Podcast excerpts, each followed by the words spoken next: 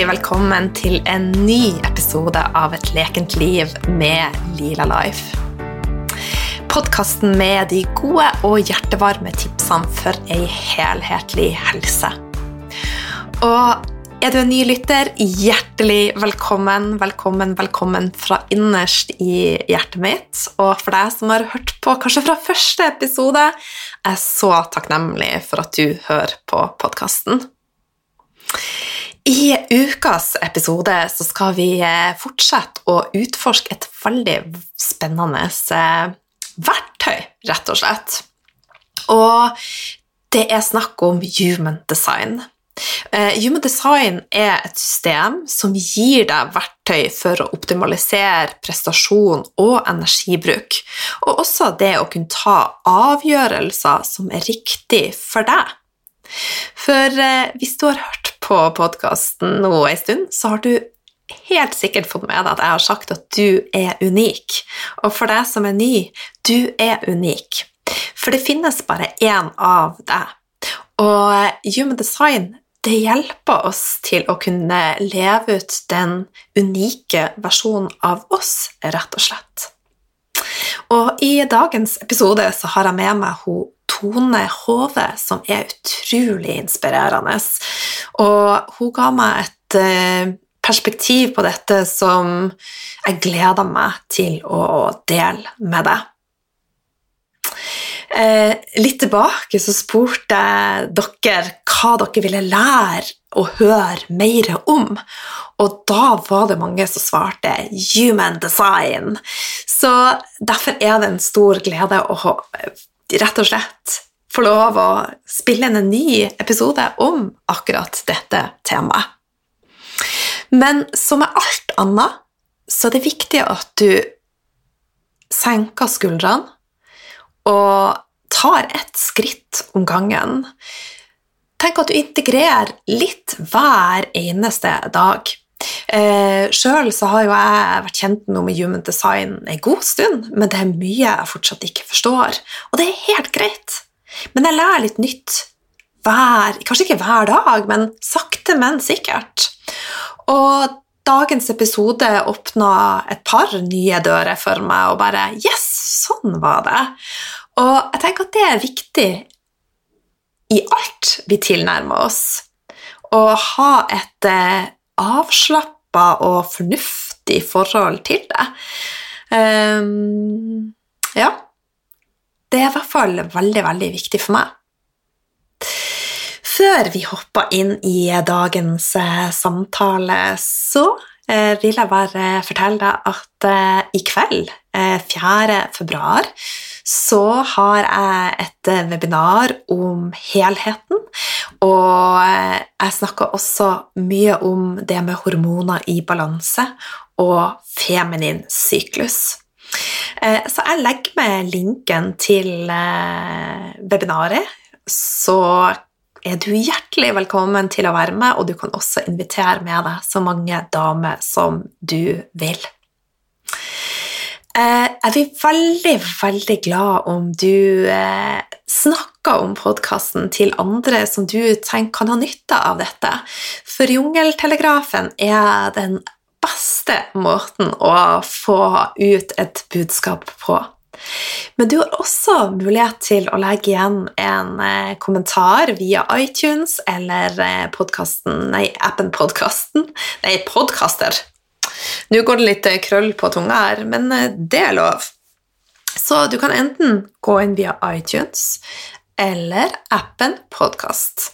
Og jeg setter pris på hver eneste tilbakemelding som kommer ifra dere, og jeg leser alle, og jeg tar de inn virkelig inn. Jeg så nå at det var kommet to nye fine tilbakemeldinger.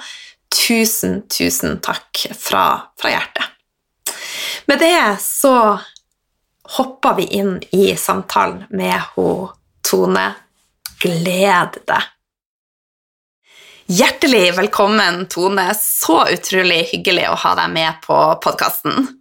Tusen takk. Veldig hyggelig å få lov å komme. Du, aller først, standardspørsmål eh, til eh, nysgjerrige Line. Hvordan starta du dagen din i dag? Og da har jeg jo egentlig lyst til å kunne fortelle om en sånn skikkelig sen morgen, men eh, dessverre så ble han ikke det. Nei, altså jeg har jo tre små barn, og um, i dag starter jo dagen som man alltid gjør i hverdagen, med at vekkerklokken ringer ukristelig tidlig. Og jeg prøver å komme meg ut av sengen for å smøre matpakker og lage frokost og få dratt barna opp av sengen, for det er ikke lett i denne mørke vintertiden. Og så um, er det jo å få de av gårde, og det er jo ikke alltid like enkelt det heller, faktisk. Så i dag var det en uh, som endte opp med å bli hjemme, så trengte litt eh, emosjonell støtte, kan vi mildt si, Ja.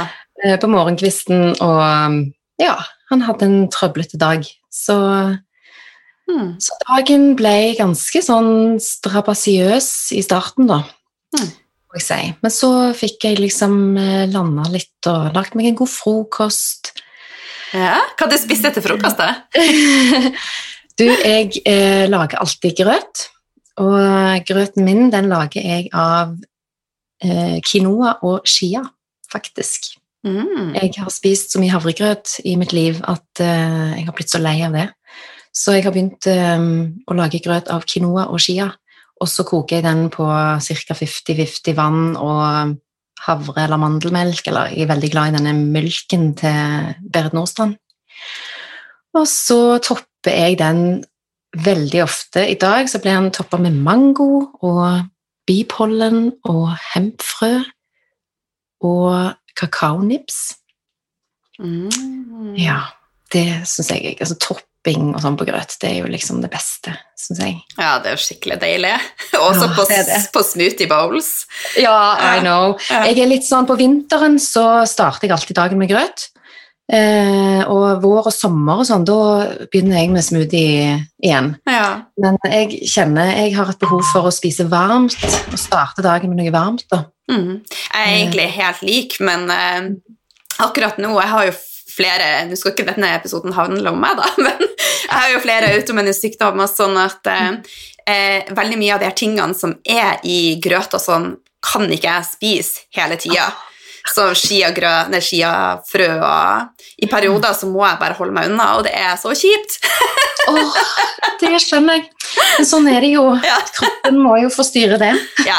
Så akkurat Ja. nå så er det liksom smoothie jeg craver, men eh, det optimale jeg er helt enig er at vi holder oss til noe varmt når det faktisk er kaldt ute. Mm, mm, Og så er det jo faktisk en større jobb for fordøyelsen å fordøye noe kaldt. Mm, Ja. det er det. Mm. Så, eh, men frokosten din hørtes jo smashing ut, og du høres ut som ei veldig, veldig raus og tilstedeværende mamma. Det syns jeg. Så eh, ja. Det er veldig på det. Ja. Eh, det er jo veldig fint da, som du sier, å, bare møte ungen din på den måten. Det tipper jeg jo Human Design har hjulpet deg til å forstå de kanskje på en bedre måte.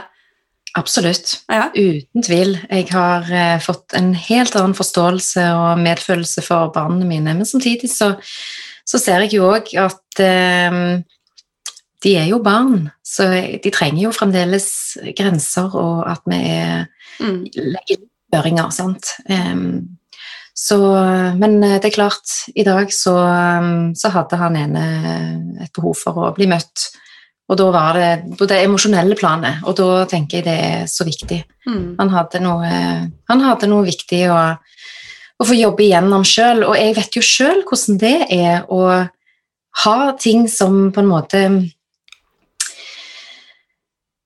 å, Som hoper seg litt opp, da. Som man har et behov for å fordøye og få prosessert osv. Og, så og, og det er ganske travelt liv for disse små barna òg, så det er ikke så mye rom for de til å, å få utløp og få ventilert ting. Mm. Så um, når han først ga uttrykk for det, det er ikke så ofte han gjør det, men når han ga uttrykk for det, så, så trengte han å bli møtt på det i dag. Ja. Så, men samtidig er jeg opptatt av at de må lære seg å fungere i den virkelige verden òg. Det er jo ikke sånn at vi på en måte kan være hjemme fra skolen fordi at noe er litt vanskelig og tungt. Alltid. Men, um, men der må man jo bare som forelder tune seg litt inn på barnet og føle litt på behovene. ja. Mm. Men jeg er nå veldig takknemlig for at du fikk til da å være med på podkasten, selv om dagen ikke ble helt sånn som du hadde tenkt. Så det Absolutt. De er heldigvis begynt å bli store, barna mine. Så, eh, altså, de er i skolealder alle, så, eh, Ja. så de klarer seg fint. Ja, så bra. Mm. Ja. Du, eh, hovedtemaet i dag er jo human design. Mhm. Eh, og jeg har jo hatt eh, en episode tidligere, men jeg syns det er veldig spennende å kan få deg inn og få et annet perspektiv og høre din mening. Og så tenker jeg at man kan aldri få forklart noe nok. Så man lærer nye substanser og nye ting, i hvert fall gjør jeg det, for hver gang jeg hører noe. Absolutt. Så kan ikke du forklare eh, med dine ord hva human design egentlig er? Mhm. Det skal jeg gjøre. Human design er jo først og fremst et verktøy for å forstå seg sjøl, for å forstå andre, hvordan vi fungerer rent energetisk. fordi at vi vet jo veldig mye om vår fysiske kropp, Mm. og eh, vi lærer jo utrolig mye om hvordan den fysiske kroppen fungerer. Det er veldig, veldig mye, av, mye mer av oss som er energi, enn det vi kan se og ta og føle på. Så Human Design er jo et system som beskriver alt det som skjer i oss rent energetisk. Så noen, noen kaller det for at det beskriver vårt energetiske DNA. Eh, Så, så, men først og fremst er det jo et veldig spennende verktøy da, for å forstå hvordan vi er her for å operere sånn, som mennesker, hvordan vi er her for å samhandle med andre mennesker, hvordan vi er her for å bruke energien vår på en bærekraftig måte, som ikke brenner og lekker energi på feil ting, f.eks. Det er et veldig spennende og godt verktøy for å ta gode valg og avgjørelser, for å vite at en avgjørelse er riktig, eller at et valg vi tar, faktisk er noe som er riktig for oss. Eh, og det er et veldig godt verktøy for å vite hvordan vi skal samarbeide og kommunisere med folk rundt oss. Så, så det er vel i bunn og grunn det human design er. Det er jo et system som er satt sammen av flere forskjellige, eh, for, forskjellige vitenskaper. Så det er jo en fusjon av eh, eldgammel vitenskap, som det kinesiske I Ching-systemet, astrologi, eh, chakrasystemet og eh, eh, kabbala, livets tre. Og så er det satt sammen nå med litt mer moderne vitenskap som kvantefysikk og genetikk. Mm. Så det er på en måte noe av det som vi finner i human design som er direkte målbart, og som det forskes på osv., og, og som er påvist vitenskapelig at finnes osv. Og, så og så har du det her litt mer esoteriske, spirituelle biten ved det, da, som handler mer om det energi og energetiske, som vi ikke kan måle, som ikke kan ta og føle på, men som vi allikevel vet at finnes. Mm. Ja. Mm. Så egentlig så burde alle ha lasta eller last ned sitt eget kart. Det hadde jo vært enklere da kanskje å forstå hverandre. Mm, absolutt. Ja. Så man begynner jo ofte med seg sjøl. Man begynner ofte med å forstå seg sjøl. Um, Mm. og når man begynner å se seg sjøl og få den bekreftelsen på det som um, human design ofte gir, så begynner man jo å bli nysgjerrig på andre. Mm. Så um, det er utrolig spennende. Man kan, man kan bruke human design bare i forhold til seg sjøl og lære seg sjøl bedre å kjenne og forstå sin egen energi, og hvor er det jeg tar inn ting fra omgivelsene, og hva er det jeg sender ut fra meg sjøl, hva er det som er mine styrker, hva er det som er mine sårbarheter, hvor er det jeg er sårbar og åpen for å bli satt litt ut av spill, f.eks., og havne litt ut av kurs og Mm. miste litt uh, track på, på det som egentlig er riktig for meg, og hvor er det jeg kan være stødig og trygg og vite 100% sikkert at ja, dette er meg, dette er riktig for meg, dette er ikke noe jeg har tatt ifra noen andre, eller som jeg har tatt inn og fått en slags overbevisning om at er meg, men dette er, vet jeg på dypt ned på et sjelsplan at er riktig for meg. Mm. Så det er jo òg noe av det beste med human design, syns jeg. At vi på en måte kan få kartlagt veldig fint hva som er, eh, hva som er våre styrker. Å, spennende. Mhm. Men du, hvordan kom du over i human design sjøl? Du, det var veldig tilfeldig. For eh, litt over tre år siden så kom jeg over human design eh, på en amerikansk podkast som jeg hørte på på den tiden. Og um, da var det en eh, som driver og jobber med human design, eh, som er fra London, som var gjest på den podkasten. Og jeg kjente at jeg ble utrolig fengsla og utrolig inspirert av alt det hun snakket om. Så jeg gikk jo naturligvis inn og ville sjekke hva jeg var, hvilken energitype er jeg. Så jeg gikk inn og, og sjekka det med en gang, og så fant jeg ut at jeg er den energitypen som heter prosjektor. Og, og, det var hun som, hun som var gjest i den podkasten, hun var prosjektor, så hun snakket veldig mye om prosjektor. og jeg kjente meg umiddelbart igjen og begynte å dykke ned i dette her. Og leste og hørte alt jeg kunne komme over. Hørte alle podkaster, tror jeg, som omhandla human design. Og, og, bestilte bøker på Amazon. Og ja, jeg ble helt fascinert. Og på den tiden så jobbet jeg som naprapat.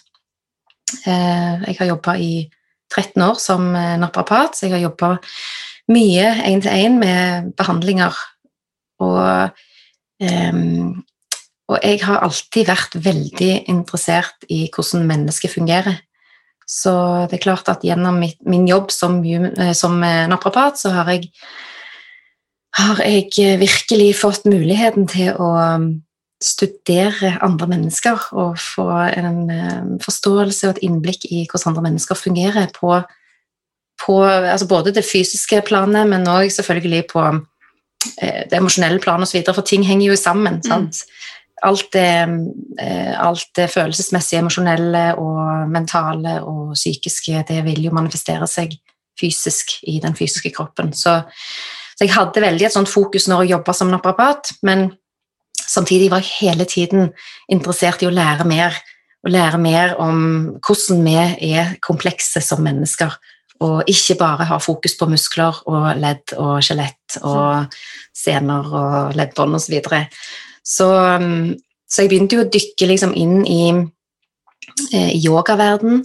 Um, tok yogautdannelse og begynte å undervise i yoga, meditasjon og sånne ting. Um, men den største aha-opplevelsen, på en måte, eller en sånn um, eye-opener som, eh, som, som, var en sånn stor Skapte en stor endring i livet mitt, egentlig. Det var jo eh, det var når min mor lå for døden for åtte år siden. Da eh, Når vi skulle komme inn og se henne etter at hun hadde dødd for siste gang, så så jeg så tydelig at hun var ikke der. Det var bare et tomt skall. Mm. Det var ingenting ved den kroppen som lå der, som var mor. Og da gikk det sånn opp for meg at dette fysiske skallet, det er jo bare noe vi bor i. Det er jo ingenting av oss som er den fysiske kroppen, egentlig. Det er jo bare noe vi har tatt bolig i. Og mor var helt borte. Det var ingenting der. Jeg hadde ikke behov for å gå bort og ta på kroppen hennes engang, fordi at hun var borte. Og da gikk det sånn opp for meg at vi er så mye energi. Det er egentlig energi vi er. Mm. Den fysiske kroppen er bare noe vi som vår energi har tatt bolig i. Mm. Vil du si at energi er det samme som sjel, da? Ja. Ja, ja. ja. Mm. Sjel og energi og Ja, man kan mm. kalle det hva man vil, mm. men det er det samme. Mm. Så, um, så fra og med da så endra ting seg veldig for meg, både i mitt eh, arbeid som eh, naprapat og i mm, måten jeg på en måte forholdt meg til jobben min og alt rundt meg, egentlig.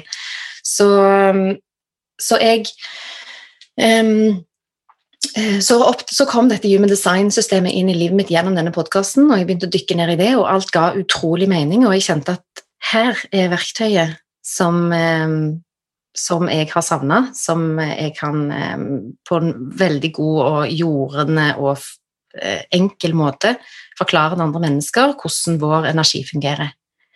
Eh, og hvordan vi er forskjellige rent energetisk osv. Så, videre. Så så dro jeg til Stockholm på et kurs, og der møtte jeg en dame som bor i Stockholm, som driver med human design, og hun gjorde den første readingen på meg og mitt kart. Um, og etter det så, så gikk det bare slag i slag, egentlig. Så tok jeg òg en utdannelse i human design, og um, begynte etter hvert så smått å, å gjøre readinger og uh, leste kartene til folk. Så, um, så sånn starta det for min del. Så utrolig spennende. Men har det vært med å forandre livet ditt? Er det sånn at du lever veldig annerledes nå kontra før du oppdaga human design? Absolutt. Det har forandra utrolig mye for min del. Um, jeg um, Som sagt så har jeg jobba 13 år som naprapat, men i løpet av de 13 årene så har jeg gjort veldig mye andre ting òg. Jeg har vært gründer i alle disse årene og har vært med å starte tre naprapatklinikker, og jeg har også vært med å starte et stort helsehus med både um, ulike terapeuter og yoga og pilates og osv. i Stavanger.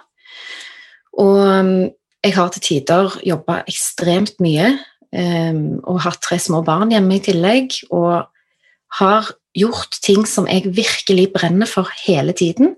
Jeg har gjort ting som jeg har syntes har vært så gøy, og jeg har tenkt at sky is the limit. Dette er, dette er så gøy og så inspirerende, og jeg fikk møte så masse spennende mennesker, og jeg følte virkelig at dette er jo på en måte Dette er drømmen. Men jeg ble så sliten. Jeg gikk på en smell to til tre ganger i løpet av disse årene og kravla meg opp igjen, og så smalt det igjen. Og jeg kunne egentlig ikke forstå hvorfor. Kroppen bare streika, og energien gikk tom. Og, um, og jeg kunne ikke helt forstå at uh, kroppen skulle jobbe sånn imot meg, men jeg hadde jo ikke noe valg. Jeg måtte lytte, fordi kroppen ga meg rett og slett ikke noe valg. Jeg var helt nødt å lytte.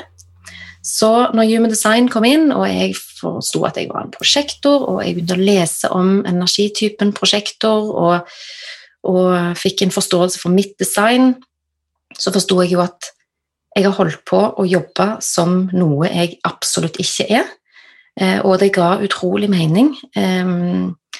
Jeg har hatt en helt ekstremt høy arbeidsmengde i perioder og sjonglert jobb og hjemmebane osv. i mange, mange år, og det fungerte utrolig dårlig, så jeg, jeg, har snudd helt opp ned på livet mitt. Jeg jobber på en helt annen måte nå. Jeg, har, um, jeg la ned klinikken min i, for um, to år siden, og um, nå jobber jeg uh, kun med human design og har um, lagd meg en arbeidshverdag nå som fungerer på en veldig, veldig god måte for meg og min energitype. Sånn at jeg hele tiden kan være i, eh, i kontakt med meg sjøl. Det er klart at Human Design har jo også gjort at jeg har fått en dypere kontakt med meg sjøl. Jeg har fått en mye bedre kontakt med kroppen min.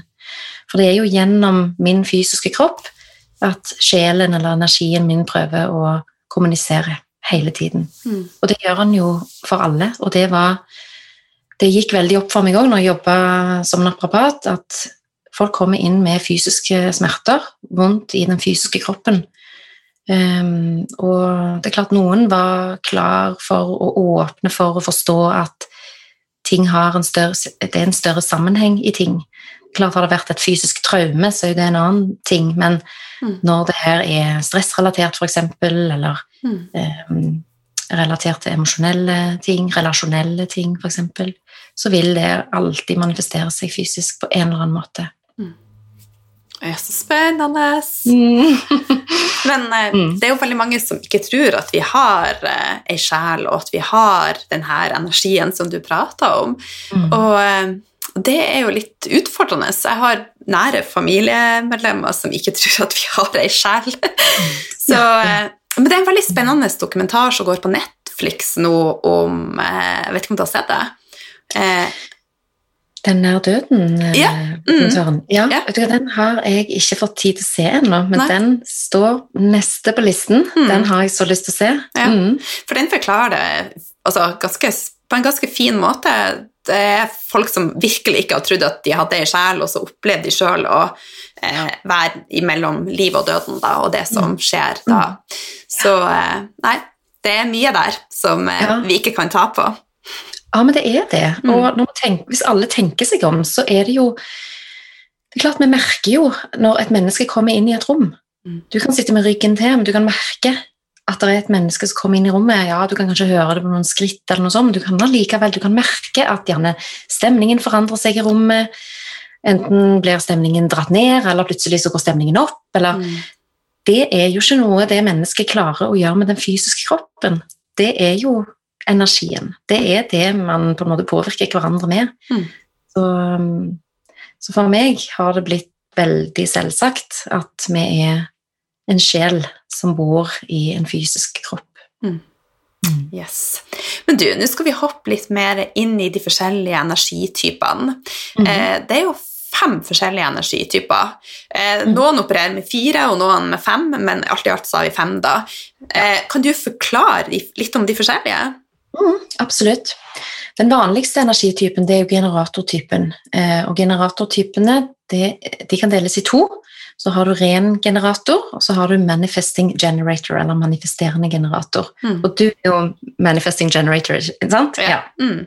Så totalt så utgjør jo hele generatorgruppen ca. 70% av befolkningen. Så, så generatoren er jo i, i flertall. Og det som på en måte er til felles for alle generatorer, det er jo at generatoren er her for å generere livskraft og energi til resten av verden. Og gjennom at en generator gjør eh, noe som gir en følelse av tilfredshet eller en glede, eller noe som man elsker og brenner for, så vil generatoren generere mer energi gjennom dette livskraftsenteret, som er det sakrale energisenteret i den energikroppen vår. Så, så det er jo Det er på en måte utrolig essensielt for at en generator skal bruke energien sin korrekt, eh, og bruke energien på det som gir en dyp følelse av tilfredshet og glede og, og joy i systemet. For hvis en generator eh, gjør ting på ren plikt, eller fordi det forventes, eller en sjøl har lagt en forventning på seg sjøl om at det er smart eller fornuftig eller strategisk riktig i forhold til ditt og datt, eh, da blir det veldig hodestyrt. Um, og, og det er det er den raskeste veien til å tappe energien hos en generator. Mm. Så um, for en generator er det utrolig viktig å ha god kontakt med magefølelsen. For gjennom denne magefølelsen så vil du få denne fysiske responsen fra kroppen. For alle generatorer er her for å respondere på livet, respondere på ting som kommer inn i bevisstheten på en eller annen måte, og si ja eller nei til det. Og da er det ja eller nei, det skal være basert på den sakrale responsen, altså den magefølelsen som alle generatorer har. Mm. Og det er det kun generatorene som har, de andre tre energitypene har ikke det. Så, så den fysiske responsen gjennom magefølelsen, den kan være både som en tydelig følelse i magen, men den kan òg være en, en følelse av at energien åpner seg mot noe, eller lukker seg, trekker seg sammen, f.eks. Det kan òg være at du kjenner at du dras fysisk mot noe, eller at du liksom støtes bort ifra noe. Um, det kan òg være lyd. Det er veldig mye lyd i den sakrale responsen. Med, um, du har sikkert um, kjent Du har gjerne kjennskap til det sjøl, siden du har vært litt borti human design, men den sakrale responsen har jo gjerne en sånn mm-lyd, eller mm, Ja. Om det er ja eller nei. Ja. Mm. Så ofte så svarer jo kroppen før eh, man rekker å tenke over hva svar man skal komme med. Sant? Så Derfor er det så viktig å begynne å skape den gode kontakten med den fysiske kroppen for en generator, for å vite hva som er rett, og hva som er galt. ja. Ja. Um, så, så den for, største forskjellen da på generator og manifesterende generator er jo at eh, den manifesterende generatoren har en litt mer rastløs energi eh, og har ofte flere lidenskaper på én gang. Mens generatoren, den rene generatoren holder seg ofte til én ting om gangen, blir dyktig på det, holder seg til det, og så kan selvfølgelig det endre seg gjennom et langt liv, men man gjerne holder seg til én ting om gangen, mens manifesting generator har mer en sånn kan gjøre 100 ting på en gang, og gjerne ha fem hobbyer og, osv. så videre. Så der er det jo også liksom viktig å finne den der balansen, sant? så ikke det bare blir rastløst eh, hopping fra, fra, det ene til det andre. sant? Jeg kjenner meg så igjen i det. det liksom, ja. Når jeg endelig begynte å beherske én ting, så bare Nei, da starter vi en podkast! Ja, ja. nei, da starter vi en portal! så jeg må Nå har jeg satt begrensninger. det er liksom, Nå kan jeg ikke starte noe mer nytt. Nei, nei. Og, og, så er det jo det at er det, okay, er det bare inspirasjon som havner inn i hodet plutselig, eller er det noe som kroppen faktisk har gitt en tydelig respons på? Mm. Så det å klare, klare, å skille det, mm. og vite at de tingene man agerer på, de tingene man responderer på, faktisk skal være en fysisk respons, ja. det er viktig. At den magefølelsen er der. At ikke det bare er en sånn idé. fordi at en manifesting generator er jo en slags sånn hybrid mellom manifestor og generator. Og manifestorenergien den er jo veldig spontan, sant? veldig igangsettende. Sant? Manifestoren er jo her for å sette i gang og skape bevegelse og være innovativ og nytenkende og gjerne et hestehode foran osv. Og, så og det har jo òg manifesting generator tilgang på. Så det å klare å Eh, balansere det ut med denne generatormotoren som vi er nødt til å være på. Mm. Nødt til å ha med responsen fra magefølelsen for, å, eh, for at ikke det blir veldig mm, rastløst. Da. Ja. Så, men manifestoren som sagt er jo da en eh, Klassifiseres òg som en energitype, for de har en veldig kraftfull energi. Manifestoren er de som har den kraftigste, mest kraftfulle auraen eller energifeltet som omgir seg. Så en, en, eh, manifestor har en veldig stor påvirkning på andre mennesker. Og, um, og det kan um, av og til være en utfordring for mange, mange manifestorer, fordi at eh, som barn f.eks. så kommer dette manifestorbarnet med en veldig kraftfull energi. Mm. Og det er ikke alle voksne som er klar for å takle det, og kan gjerne ha en tendens til å holde de litt nede.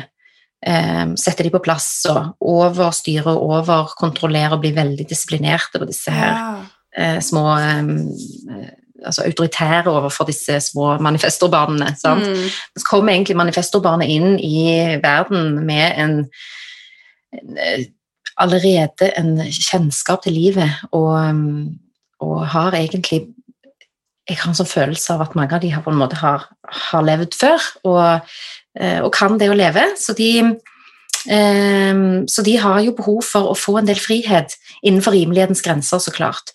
Men det er klart, hvis det er et manifestorbarn som har levd under veldig strenge, autoritære voksne, så kan de havne i ehm, eh, en situasjon når de blir voksne, der de blir veldig opptatt av at alle skal like dem. De blir veldig people pleasere. Mm. Så, så, veldig mange voksne manifestorer er ekstremt people pleasing mennesker og, um, og de har òg et åpent sakralsenter, de har åpent livskraftsenter, så de tar jo inn og forsterker mye av den livskraften til en generator. Og det kan òg gjøre at de mister litt kontrollen på når nok er nok, når har de gjort nok, f.eks. For, eksempel. for de har ikke like stabil tilgang på energi som en generator har. Okay. Så manifestoren sin energi er enten veldig på eller helt av. Sånn at For manifestoren er det utrolig viktig å ha en forståelse for at de trenger mye hvile. Når, de, når kroppen gir beskjed om at 'nå trenger jeg å være av', så er det viktig at de gir seg sjøl mye hvile. For så å agere på disse her indre denne indre trangen til å sette noe i gang, som på engelsk kalles for en urge. Så en manifestor er her for å agere på disse her urges, urgene, på en måte. Ja. Så en urge det er jo en sånn en indre fysisk eh, trang til å gjøre noe. Litt sånn at ti ville hester kan ikke holde meg igjen, for dette må jeg gjøre, på et vis. Mm. Um, og når manifestoren får en sånn en trang og setter i gang, så er energien veldig rask og veldig kraftfull. De får, det er sånn, nesten litt sånn revolusjon på en måte for noen. Eh, at de setter andre mennesker i gang, og de setter prosesser i gang, og de setter prosjekter i, i gang. Mm. Så, um, så, de er jo her for å tenke litt lenger fram, tenke litt nytt, gjøre ting på en ny måte. Um, men for manifestoren er det veldig viktig å, å, forstå at de er ikke for alle. Noen er her for å gjøre noe helt annet, og noen er her for å henge seg på. Så om ikke alle liker det du som manifestor holder på med, så skal du tåle det som manifestor. Tåle at ikke alle liker deg alltid. Mm. Um, Så, men manifestor er ca. 8% av befolkningen, så de er ganske sjeldne, da. Mm. Og så har du en um, energitype som heter prosjektor, og de er ca. 20% Og de klassifiseres som det som kalles for non-energy being, så ikke energitype. Uh, og det er fordi at um, prosjektoren har ikke tilgang på den samme stabile energien heller som generatorene har. Og de har heller ikke mulighet for å generere ny energi i seg selv og i sin egen kropp og i sitt eget system, eh, som generatoren kan. Så eh, prosjektorene er her for å leve og gjøre ting på en helt annen måte. For når generatorene er her for å jobbe, finne noe spennende og tilfredsstillende å gjøre, så er manifestoren her for å sette i gang og starte ting og skape bevegelse i prosesser så er prosjektoren her for å bringe inn et nytt perspektiv og måten en prosjektor ser en situasjon på, eller ser mennesker på, ser en prosess på, ser et prosjekt på osv. Så, videre. så prosjektoren er her for å bringe et nytt og spennende perspektiv inn og fungere med som en guide, veileder, lærer, rådgiver osv. Så, mm. så prosjektorene er ikke her for å jobbe så veldig mye, men er her for å heller bringe inn et perspektiv. Så prosjektoren er den nyeste mennesketypen, faktisk. Så prosjektoren har bare vært her på jorden i litt over 200 år. Og, og de kom inn i det det var et stort skifte sånn eh, globalt, eh, der vi gikk fra å på en måte leve et eh, liv som dreide seg om overlevelse, og jakte på mat og skaffe mat og vinne kriger og overleve i barsel og ikke dø av et virus osv. Mm. Mm. Og så eh, begynte menneskets liv å handle mer om å bygge og skape og eh, gjøre sånne ting. Og, og, da trengte jeg disse generator- og manifestortypene, noen som kom inn og kunne se hvordan ting kan bli gjort på en mer effektiv måte. Eh, for det er, det, det er den verdien en prosjektor kommer inn med. Det er å bringe et litt annet perspektiv. Så du kan si at Prosjektoren er på en måte fuglen som sitter oppi treet på greinen og ser alt i et sånn fugleperspektiv. Eh, og så er generatorene og manifestorene de som er på jorden og, eh, og, gjør, og gjør, ting, holdt jeg på å si.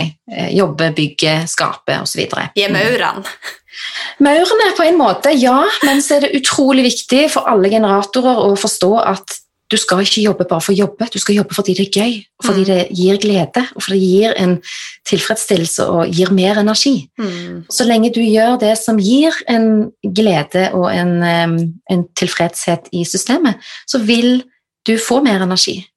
Så det er klart alle, Både generator og manifesting generator er jo her for å bruke opp energien sin egentlig og krasje i seng og være fornøyd og glad og tilfreds, og så våkne opp med fulle batterier igjen. Sant? Men det er klart hvis man bruker tiden på mye som egentlig ikke gir noen ting, som bare er av ren plikt, eller som bare er noe som man har en uh, overbevisning om at man burde gjøre, eller det gjør jo alle andre, alle andre gjør det jo på den måten, f.eks., osv.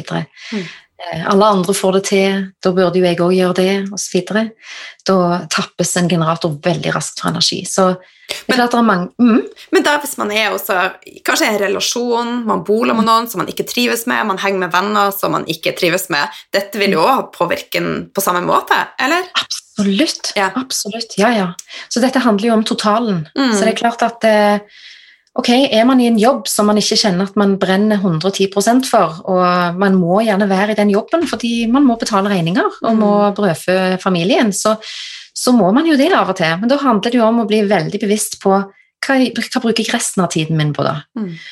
Hvordan kan jeg finne masse glede og omgi meg med mennesker som gir meg glede, eller som jeg kjenner glede av å være sammen med, f.eks.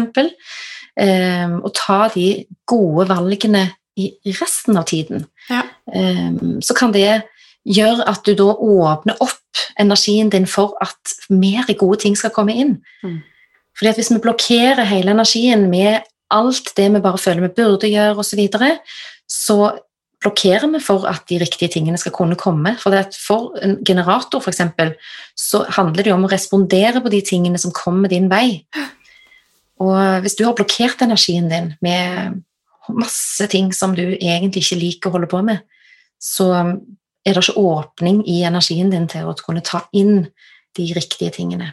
Og det er de tingene som du faktisk har lyst til å respondere ja på. Mm. Og så er det klart at det er en treningssak òg, det her med disse responsene. Det er Absolutt. kjempe, kjempevanskelig, fordi at eh, av og til så kan du være i tvil. Ok, er dette magefølelsen, eller, eller er det hodet, eller hva er det egentlig? Mm. Så jeg pleier ofte å si at det er veldig fint å begynne å starte med disse enkle, små tingene i hverdagen. Litt sånn Vil du ha kaffe eller te i dag? Nærmest sånn. Altså bare kjenn hva, hva, hva drar seg mot, sant? det, de enkle, banale tingene er så viktig å begynne å øve opp en liten respons på. fordi at når du står overfor et stort valg, da, så har du allerede en god kontakt med kroppen din og vet hvordan den responsen føles i Mm. din kropp. Det er mye lettere for deg da å vite hva som er forskjellen. Ja. Så, um, mens tilbake til prosjektoren, da, så er de her for å rett og slett bringe inn et nytt perspektiv, og utrolig viktig for eh, en prosjektor å få få en forståelse for at de er her for å operere på en helt annen måte. Eh, Og egentlig gjøre ting på en helt annen måte enn det folk flest gjør, for de aller fleste er generatorer. Så hvis en prosjektor leker eh, at den er en generator, sånn som jeg har gjort i veldig mange år, jeg har trodd at jeg har vært eh, For jeg har vært omgitt av generator og manifesting generator og manifestor osv. i min familie osv. Så, videre. så um, jeg har trodd at jeg har vært det. Jeg har haka meg på det og, og kjørt på. Jeg. Det funker skikkelig dårlig for en prosjektor. Vi blir så slitne, og binyrene blir trøtte, og vi får eh, masse symptomer på, på utbrenthet og slitenhet osv. Og, så og, og den fysiske kroppen kan begynne å, reagere. Så, så det er veldig viktig som prosjekt. prosjektor. Og så har du den siste eh, 1 av eh, befolkningen, som da er reflektor. Reflektor er jo en veldig unik og sjelden variant, som eh, virkelig òg er en ikke-energitype, som heller ikke har den stabile tilgangen på energi. Og hvis du har vært inne og sett på ditt eget eh, Human Design-kart, så ser du at det er ni forskjellige energisenter i det kartet. Og reflektoren har alle de energisentrene hvite, vil si at reflektoren er her for å ta inn ting fra omgivelsene og reflektere og speile tilbake igjen det som reflektoren tar inn. Så derfor er det utrolig viktig for en reflektor å være i omgivelser og rundt mennesker som eh, føles bra. Og det er viktig at det er ting som føles bra for reflektoren, fordi at det kan være omgivelser og rundt mennesker som på papiret er superbra og kjempefine og optimale mennesker og omgivelser, men hvis reflektoren kjenner at her føles det ikke bra å være, så er det så viktig for en reflektor å lytte til det, fordi at du er veldig sensitiv for omgivelsene dine, og da er, du snapper opp informasjon som, eh, som reflektor, så snapper du opp informasjon som ingen andre har tilgang til, fordi du har en helt utrolig åpenhet eh, som ingen andre har i ditt kart. Så, så en reflektor er her for å um, egentlig fungere som et barometer, ta litt eh, tempen på en måte på omgivelsene. Så for oss som ikke er reflektor, så er det utrolig verdifullt å ha en reflektor i um, i omgivelsene. fordi at gjennom å observere en reflektor, så kan man på en måte få en, en følelse med hvordan det står til i denne gruppen, i dette teamet, i denne familien f.eks., mm. eller i det, det, altså i det området som, som, reflektoren holder seg, da.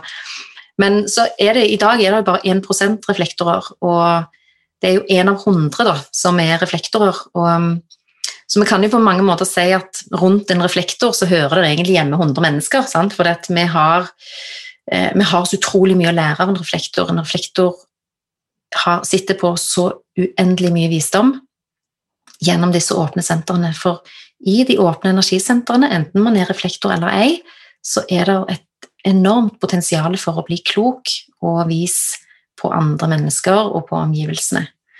Så, så, en reflektor er ordentlig verdifull, og hvis du finner ut at du har en reflektor i omgivelsene dine, så skal du ta godt vare på den reflektoren.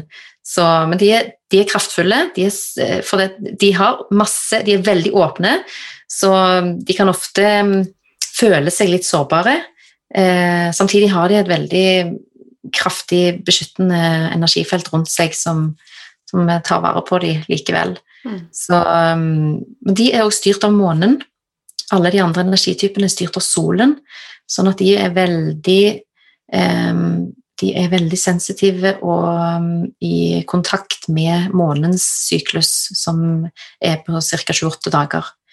Så for en reflektor så er det utrolig viktig å trene seg eh, opp på å være tålmodig og bruke god tid på avgjørelser og bruke god tid på, eh, på valg, og um, ikke forhaste seg til um, å inngå forpliktelser, f.eks. For eksempel. Mm. Fordi man trenger disse, denne månedssyklusen og disse 28 dagene på å liksom føle gjennom alt. Så um, Vil det si Altså, jeg, hva jeg skal si, jeg er ikke opphengt, men jeg tenker mye på månesyklusene. Men yes. vil det si da, mener du at det ikke påvirker meg i det hele tatt, månesyklusene? Nei, nei, absolutt ikke. Det, altså, det vil si det, Jeg mener absolutt ikke at det ikke påvirker deg. Ja. For månesyklusen vil jo påvirke oss alle. ja. Helt klart. Men det er bare at vi er mer. Vi er, ja, energien vår er på en måte styrt mer av solen, og hvordan solen går gjennom alle de ulike energiportene Ja. i, i Human Design-kartet og i I Ching, det kinesiske I Ching-systemet. Så for, for vi er alle eh, vi har alle tilgang til noe som heter transit, og det er der solen står akkurat nå, og der månen står akkurat nå, f.eks. Og alle de andre planetene òg, for den del. Men for oss som på en måte er solvesener, som er styrt av solen, så har vi en større påvirkning av der solen beveger seg. Så solen tar jo på en måte et år gjennom alle portene, og, og solen beveger seg jo òg gjennom alle disse her stjernetegnene i astrologi, ikke sant? Mm. i løpet av et år.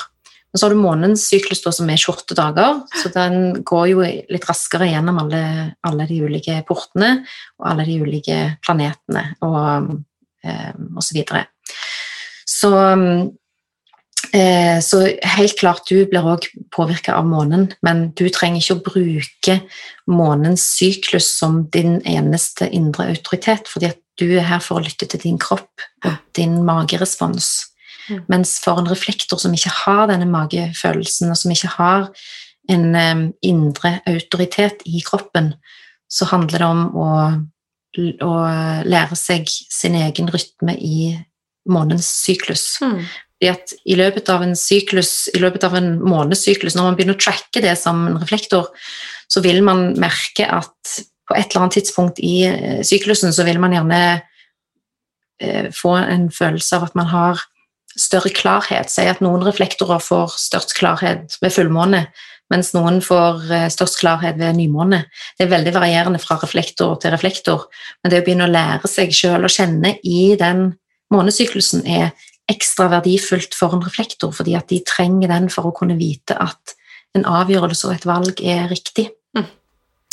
Så de Wow. fungerer på en, helt, på en helt annen måte enn oss andre, da. Mm. Ja, jeg skjønner. Skjønner, Så, skjønner. så, det, så det er klart Human design er jo også her for å beskrive hvor forskjellige vi er, og at vi, det er ikke one size fits all. Vi er nødt til å gjøre ting på forskjellige måter, Mm. og alle har sin rolle å fylle. Og det syns jeg er så fint, fordi at jeg kan bli superinspirert og fascinert av eh, all den fantastiske inspirasjonen og spennende jobben som du, Line, sender ut eh, gjennom dine kanaler. sant? Eh, og så er det så fantastisk at du på en måte har funnet din rolle der og din signatur i det. Mm. Og så er, er det så viktig at jeg da finner min signatur. At jeg skal ikke gjøre ting på den måten som du gjør ting på. Men jeg kan la meg fascinere og bli inspirert og synes at det er utrolig spennende. sant? Det er så viktig. Mm. Mm. Ja. Men eh, det å finne liksom sin signatur, det, det er sannelig ikke rett, eh, lett. For at jeg har òg eh, møtt veggen i hvert fall to-tre ganger på min vei og vært mm. langt ute av kurs mange ganger. Mm. Og fortsatt så må jo jeg finjustere, og for jeg, som du sier, så vi er jo lett påvirka her åpent. eh, både Åpent hodesenteret og rotsenter, så vi er jo veldig lett påvirka. Ja. Du gjør det. Du blir veldig påvirka og kan sikkert bli superinspirert overalt. Mhm. og, mm, Ja. og, så, ja, og da blir du jo veldig sensitiv for andre menneskers stress og Mm. jag. Sant? Mm. Så det er jo viktig for deg å jobbe med jordingen din, blant annet. Altså, det er den koda Altså, jeg snakker jo mye om jording, men det er sannelig ikke lett å knekke den koda, for at jeg er ikke Nå er jeg veldig ærlig, da. Jeg vil ikke si at jeg er spesielt jorda, selv om jeg både mediterer og er mye i skogen, for det er, det er kjempevanskelig. Ja. Men det er det når du har et åpent rotsenter. Det er kjempevanskelig. Mm. Ja. Så, men allikevel så ville jo, vil jo situasjonen din sannsynligvis vært en helt annen om du ikke mediterte og ikke hadde de turene i skogen og, og fikk den formen for jording allikevel. Mm. Ja, ja, ja. Så, så det vil jo gi deg Og jordingen din er jo òg på en måte din kontakt med kroppen. Sant? Mm. Ja. ja, det er sant. Kontakt med magefølelsen og på en måte Ja. være i ett med den. Mm. Mm. Men du, eh, de energisentrene Mm. Altså, vi har forskjellige energityper, og så har vi Mm. energisenter. Mm. Kan ikke du forklare bitte litt mer om de her energisentrene? Mm. Du har jo sagt, sagt en del, men Mhm, Ja. mhm. ja, vi har ni forskjellige energisenter.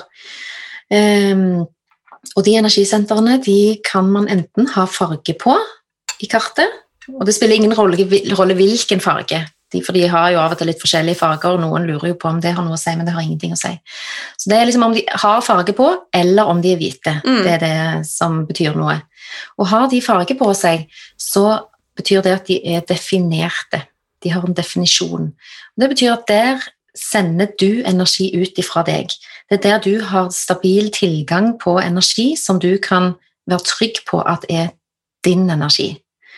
Og i de åpne og hvite sentrene, det er der du er åpen for å ta inn energi fra omgivelsene. Og når du tar, tar, inn energi fra andre mennesker eller fra omgivelsene dine, så vil den òg forsterkes i deg.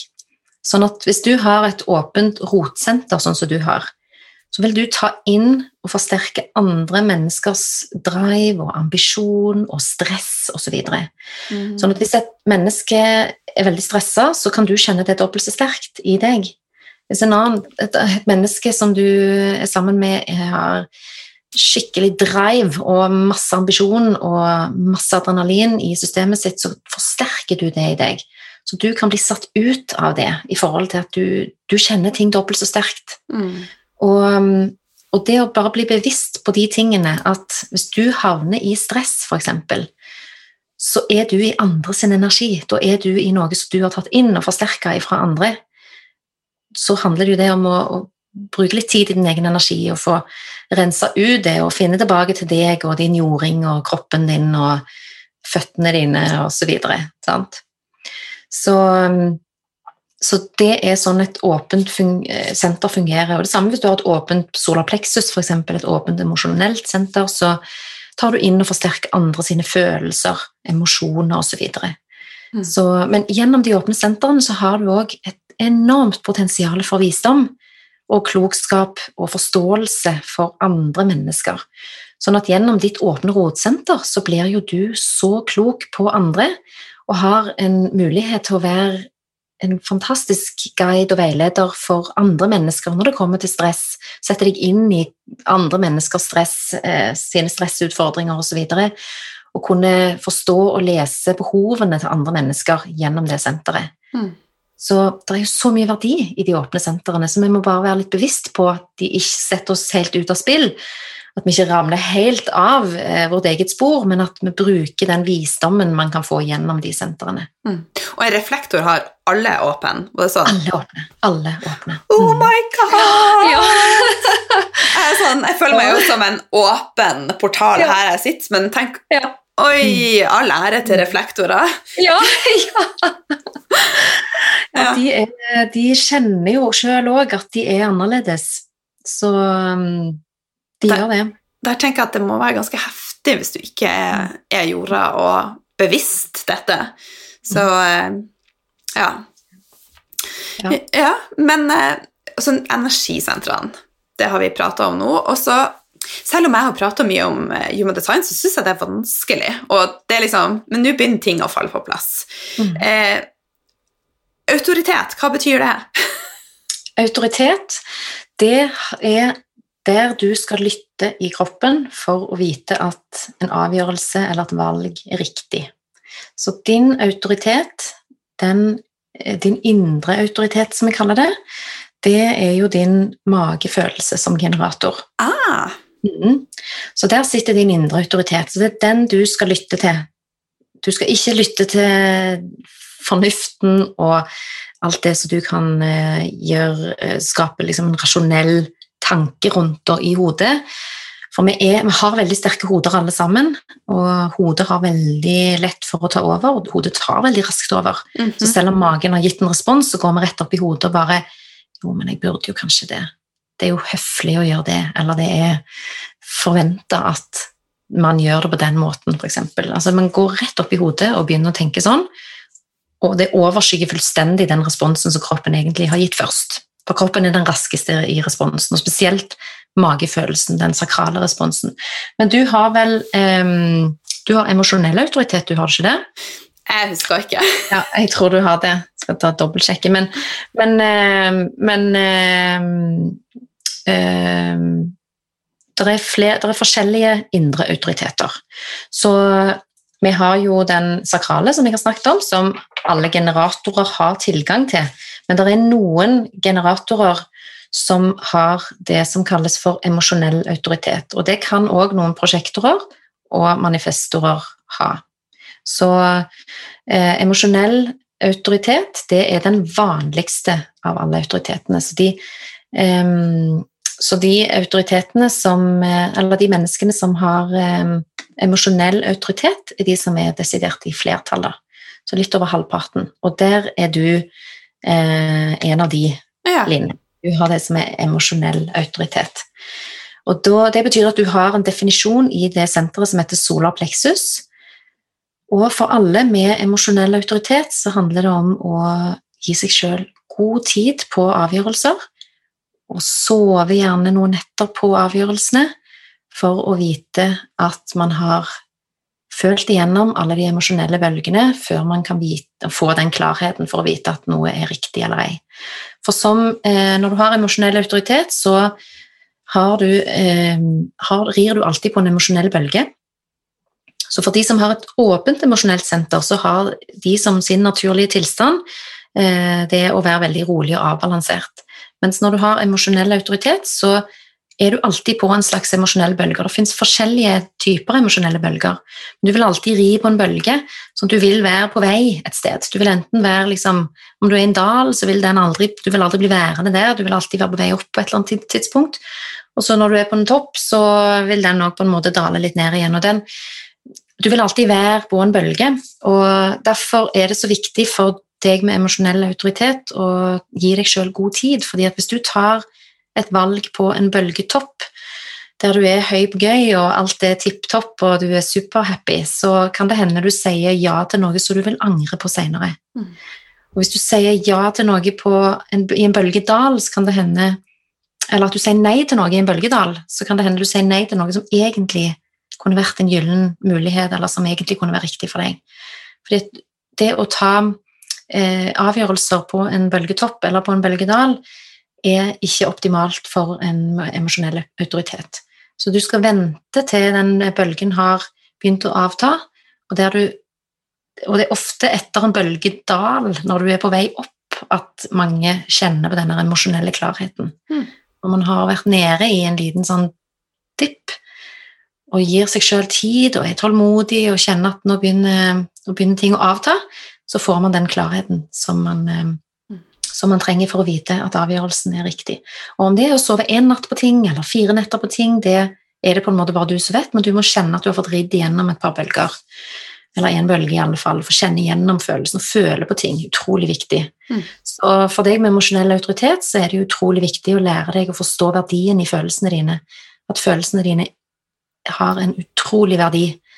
Den, det er utrolig viktig for deg å lytte på følelsene dine, for der sitter det masse informasjon. Mm. Spennende. Med de andre Ja, autoritetene Og de andre autoritetene, da, så har vi jo vært inne på sakral, det er den magefølelsen, og det er, også, det er bare generatorer som kan ha den, eh, og det er de som ikke har definisjon i solaplexus da. De har ren sakral autoritet. Og så har du det som kalles for mildt autoritet, eller splenic, som det heter på engelsk.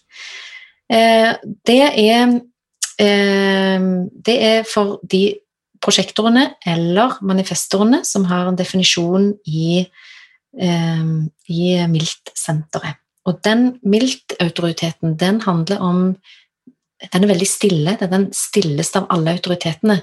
Så den krever en god porsjon eh, tilstedeværelse og stillhet for å klare å lytte til den. Det er litt sånn indre stemme og intuisjon mer som man lytter til. Så den òg er veldig sånn her og nå-respons um, som man må våge å lytte til. Den gir ikke alltid mening, men det er liksom en sånn indre viten.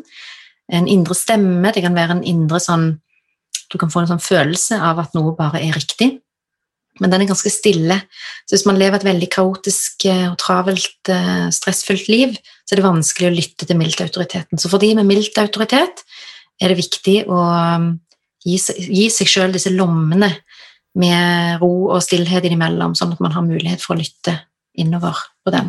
Mm. Og så har du eh, ego-autoritet, eh, eller hjerteautoritet, som det òg heter. Eh, det er det òg Eh, det er det òg eh, både manifestorer og prosjektorer som kan ha. Og, eh, og, det handler mer om å lytte til hjertet og viljen og motivasjonen osv. Så, videre. Så Så de har ikke heller den her magefølelsen. De må òg lytte til noe litt annet, og kan òg ha godt av å snakke litt ut om det som um, For å høre sin egen stemme. Mm. Mm. Og så har du eh, selvprojektert, altså self-projected autoritet. Det er kun prosjekter som kan ha den. Eh, og for de som har den, så handler det om å sette ord på ting og snakke ut om, eh, om det man står overfor, for å høre sin egen stemme. For gjennom sin egen stemme vil man høre det som er riktig. Måten man snakker om det på, ordene som kommer ut, tonefallet f.eks. Um, så det å ha gode kanaler der man kan få snakket ufiltrert, um, enten til et menneske man stoler på, eller en terapeut, eller en partner, eller en venninne, eller hva det måtte være Det å kunne snakke ufiltrert om ting er utrolig viktig for dem. Mm. Og så har du noen som har eh, noen prosjektorer som kalles for mentalprosjektorer. De har ingen indre autoritet, så de blir litt som en reflektor på en måte. Eh, men for de så handler det om å være i veldig gode omgivelser, på samme måte som en reflektor, eh, og rundt gode mennesker. Men for de er det òg viktig å kunne snakke ufiltrert og snakke ut om, eh, om ting for å høre hvordan en sjøl ordlegger seg, og hvordan tonefallet i sin egen stemme er. Mm. Så for de handler det eh, handler ikke om hva råd de får tilbake, det er mer hva de sier sjøl. Eh, og så har du lunar, eller måneautoritet, som da er reflektoren sin autoritet. At de må eh, la det gå tid, og få lov å føle gjennom eh, en hel månesyklus, helst ca. 28 dager, eller i hvert fall kjenne gjennom eh, denne syklusen for å vite at noe er riktig eller ei. Mm. Og for å få vite hvilken autoritet man er, så må man jo selvfølgelig laste ned Human ja. Design-kartet sitt. Mm. Ja, ikke sant? Men, men, du, på mitt kart så står det jo da 'wait to respond'. Er det da på grunn av at min autoritet er den den er? Den er den den er. Så, så autoriteten din, den handler jo om hvordan du skal ta gode valg. Ja. Det som heter 'wait to respond', det er din strategi. Og din strategi det handler om tid du skal bruke energien din. Så hver eh, energitype har en unik strategi til til, til, som forteller da tid du skal bruke energi. Så for deg så handler det om å vente på å respondere på ting. Fordi at hvis du begynner å sette i gang med noe som du har klekt ut i hodet, som du aldri har sett før, eller som du, kroppen din ikke har gitt denne fysiske responsen på, men som du tenker er smart og fornuftig og åh, dette var en god idé, let's do it, på en måte, så um, så har du ikke lytta til din Eller da har du på en måte ikke operert i, på korrekt måte i forhold til din energitype. Og da kan du risikere å oppleve en del motstand i prosessen, og at ting ikke flyter like fint og lett. Men hvis du handler i respons, hvis du eh, Alt det du gjør, skjer i respons til noe, så vil du oppleve at ting flyter på en helt annen måte, og at det vil bli en lettere energiflyt i deg og i ditt energisystem. Så for alle generatorer så er strategien å vente på respons. Mm, vente på å respondere på ting. Så du kan respondere på alt mellom himmel og jord hver eneste dag. Du kan respondere på ting du ser ut vinduet, du kan respondere på ting du hører på en podkast, du kan respondere på noe du ser på Instagram, lese i avisen, noen som forteller deg om noe, så kan du kjenne oh, at du får en sånn fysisk respons. Sant? Mm. Så, så, det er den som skal fortelle deg hva du skal bruke energien din på. Mm. Så de andre energitypene har jo sine egne strategier. sånn at for en prosjektor så er det strategien å vente på å bli anerkjent og invitert inn til å dele eller gi råd eller dele sitt perspektiv på ting. For en manifestor så handler det om å informere, for de kan bli veldig impulsive, og eh, de har en kraftfull påvirkning på andre mennesker, så for at de skal få fred til å liksom gjøre sin greie og få friheten de trenger, så må de informere de rundt for at folk skal slappe av og roe seg ned rundt, rundt de. Da. Og så har du eh, disse reflektorene, da, som eh, egentlig ikke har noen De har ingen eh, strategi. Det handler bare om å være i tune med månesyklusen. Mm. Mm. Så de er her bare for å speile og reflektere. Ja. Mm. ja. Men du, i forhold til det Så nå har vi gått gjennom mye. Eh, mm. jeg er litt usikker på porter og kanaler. Det er noe helt annet. Har vi vært innom det? Nei, vi har ikke vært innom det. Men eh, når man ser i et Human Design-kart, så har man jo alle disse her eh, energisentrene, som er disse trekantene og firkantene som er eh, forma litt som et menneske. Mm. Og i, inni de så ser man at det er små tall. Og de tallene der, det er disse portene, altså disse gates, som det heter på engelsk. Og det, de portene der, det er sånne energetiske aktiveringer i energien. Så når du har en farge på den porten, så betyr det at du har en definisjon der, du har en aktiv energi i den porten som beskriver en egenskap i deg. Så i de portene som du har aktivert, så finner du dine egenskaper. Og så har du det som kalles for channels, eller kanaler, som da er en hel kanal. Hvis du har en aktivert port i ene, det ene energisenteret, og så har du en port aktivert i det andre energisenteret, så vil de danne en kanal. Og um, når du har denne kanalen, så beskriver det en av de energetiske styrkene som du bringer til verden. Så det er gjennom disse uh, Gjennom disse uh, aktiverte channels eller kanaler, så vil du få tilgang til de styrkene som du kan være trygg og stødig i deg sjøl, at det er deg. Det er dette jeg bringer til bordet. Dette er min verdi. Dette er noe som jeg vet at jeg kan bruke, og som eh, jeg vet at jeg ikke har tatt inn ifra noen andre, men dette er mitt, eh, som, eh, som jeg vet at jeg er god på. Og så, så, så jeg syns kanaler er gjerne det som gir en, et veldig løft i selvfølelse og selvtillit, egentlig. Når man får den stødigheten og tryggheten i å vite at dette er faktisk min styrke, dette er noe jeg er bra på. Um, så det er utrolig verdifullt å få en forståelse for disse kanalene. Mm. Mm. Du, eh, Ut fra denne praten så tenker jeg at alle må jo laste ned Human Design-kartet sitt. Det er jo ikke noe, mm For Et av spørsmålene mine var hvorfor bør vi laste ned kartet, men jeg tenker at svaret er jo åpenbart. Så men for de som ikke vet eh, når de er født, hvor kan mhm. man finne det? Har du noen tips? Mm. Alle i Norge, som er, altså alle som er født i Norge etter 1967 finner informasjon på helsenorge.no. Så hvis du logger deg inn med bank-ID på helsenorge.no, scroller du deg ned til eh, helseregisteret, og så scroller du deg ned til medisinsk fødselsregister. Der får du informasjon om din fødsel, og der får du eksakt klokkeslett for fødselen din. Og har du barn, så finner du de òg inne på din profil på helsenorge.no. Så det er veldig enkelt å finne ut. Og hvis du ikke er født i Norge, så må man se om man finner det i et album, eller eh, om man kan ta kontakt med sykehuset som man ble født på, f.eks., eller om noen foreldre husker det, eller ja. Mm. Mm. Jeg skal ta og legge det med også med notatene til eh, Ja. episoden, sånn at eh, du som lytter finner det. Mhm. Så eh, nå skal det bli masse nedlastninger her, altså. Så bra. Veldig bra. Og Da kan dere gå inn på, på min nettside. Eh, der ligger det også link, så du kommer deg rett direkte inn eh, i en database der du kan legge inn opplysningene dine, og så får du opp kartet ditt. Ja, jeg skal ta og legge meg link til nettsida til det også. De nettsida. Ja. Ja. Så, Så eh, men i forhold til human design, hvem er din største inspirator? Mm. Og det er jo veldig mange eh, som eh, inspirerer meg i forhold til human design, men eh, en av de største inspiratorene er en eh, som vi skal ha som gjest på vår podkast, som heter Human Design Podden.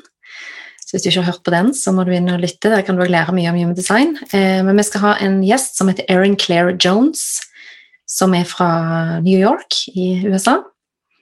Og hun er fantastisk. Hun har en eh, utrolig fin og ja, en veldig fin måte å forklare human design på, som er lett begripelig og nede på jorden og veldig tilgjengelig for alle.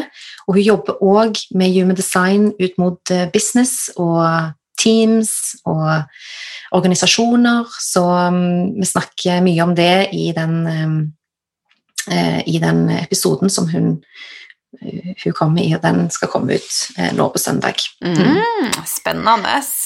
Så det blir veldig spennende. Så hun er, hun er virkelig en stor inspirasjon, altså. Mm. Så bra. Eh, I forhold til bøker, har du noen bok du vil anbefale til lytterne? Mm. Når det kommer til human design, så er altså den boken som er på en måte kilden til hele human design-systemet, er den som heter The Definitive Book of Human Design. Så den kom eh, Den er ganske tung, eh, den er ganske omfattende, så eh, jeg personlig syns jo at det kanskje er en tung plass å starte, men det er, en, det er jo absolutt der man får mest value og mest informasjon ifra kilden, da. Mm. Mens eh, det finnes jo andre bøker òg. Det er f.eks. en som eh, heter Karen Curry, som har skrevet en veldig fin bok som heter 'Understanding Human Design'. Eh, den er skikkelig fin, og hun skriver på en veldig, veldig enkel og god forklarende måte. Så jeg, jeg syns nesten den er hakket bedre å begynne med hvis man liksom vil, eh, vil sjekke ut litt um, for seg sjøl og har lyst til å begynne å lese en bok. Men, men det er jo litt alt etter uh, alt etter uh, smak og behag, egentlig. Mm. Mhm. Men de to bøkene syns jeg er veldig bra. Takk, takk. Mm. Eh, I forhold til det vi har prata om, eh, er det noe du har lyst til å tilføye som jeg har glemt å spørre om, som er veldig viktig i forhold til human design? Jeg tenker jo at Det aller viktigste er å ha fokus på at dette er et spennende verktøy. Dette er ikke verken en religion eller et eh, trossystem på noen som helst måte. Det, er, og det handler ikke om at du skal enten tro på det eller ei. Det handler om å se på det som et spennende verktøy som man kan ta i bruk hvis man føler seg dratt mot det.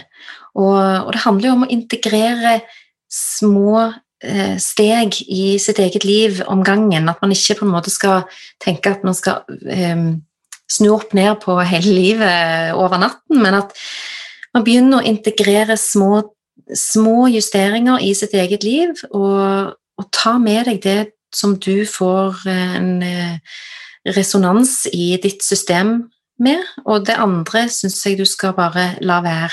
Fordi at det handler jo om at human design skal gjøre livet enklere. Det skal føles som at det blir en lettelse, og at du får noen kilo av skuldrene, og at du får en finere og bedre flyt i livet.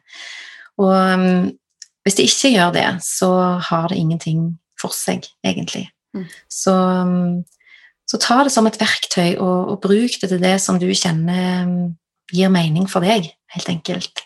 Lurt. Mm. Helt på tampen så har jeg bare lyst til å spørre om hvordan er en typisk dag i ditt liv, og hva gjør, eh, gjør deg glad? Altså, hva gjør du for å gjøre deg sjøl glad og ta vare på deg sjøl? Mm.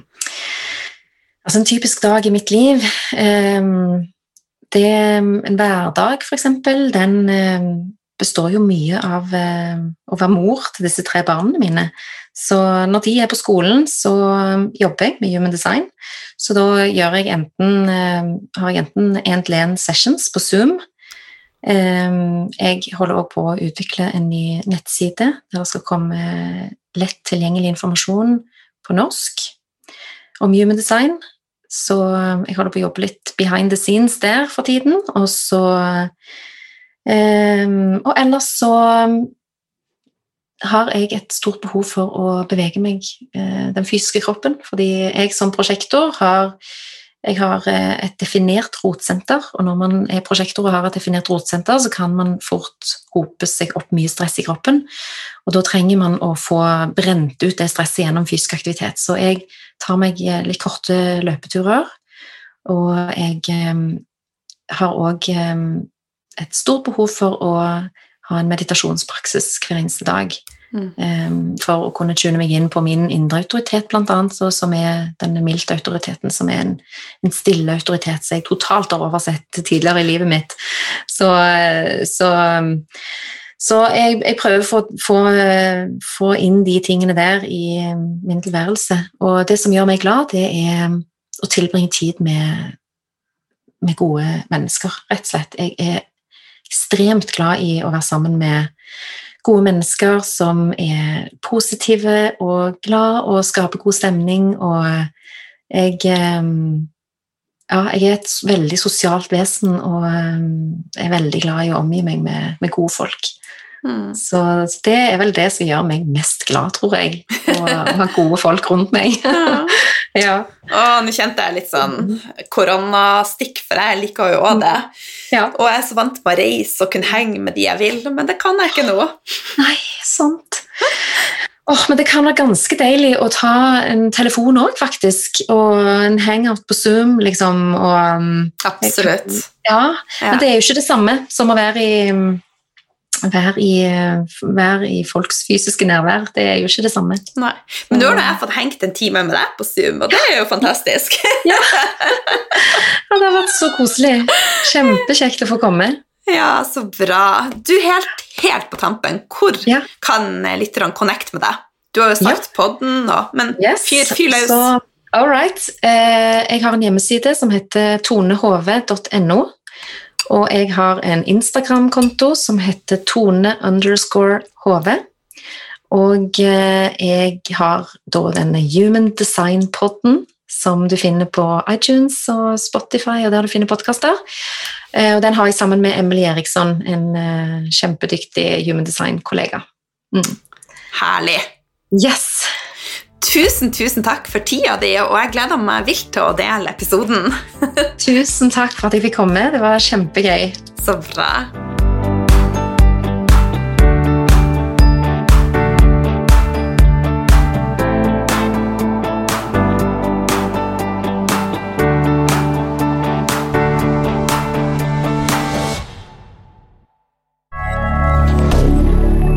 Media.